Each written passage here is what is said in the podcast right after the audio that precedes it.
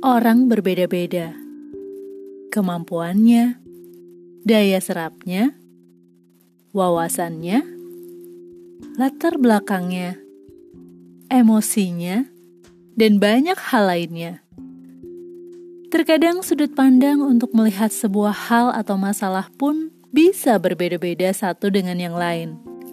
Untuk itulah komunikasi diperlukan.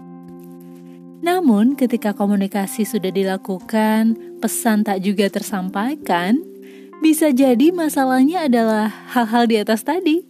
Kemampuannya, daya serapnya, wawasannya, latar belakangnya, dan sebagainya. Di situlah saatnya kita perlu menurunkan ekspektasi. Anggap orang itu nggak ngerti. Kitalah yang harus merendahkan diri untuk mengolah lagi komunikasi sedemikian rinci, agar tujuan bukan sekadar mimpi.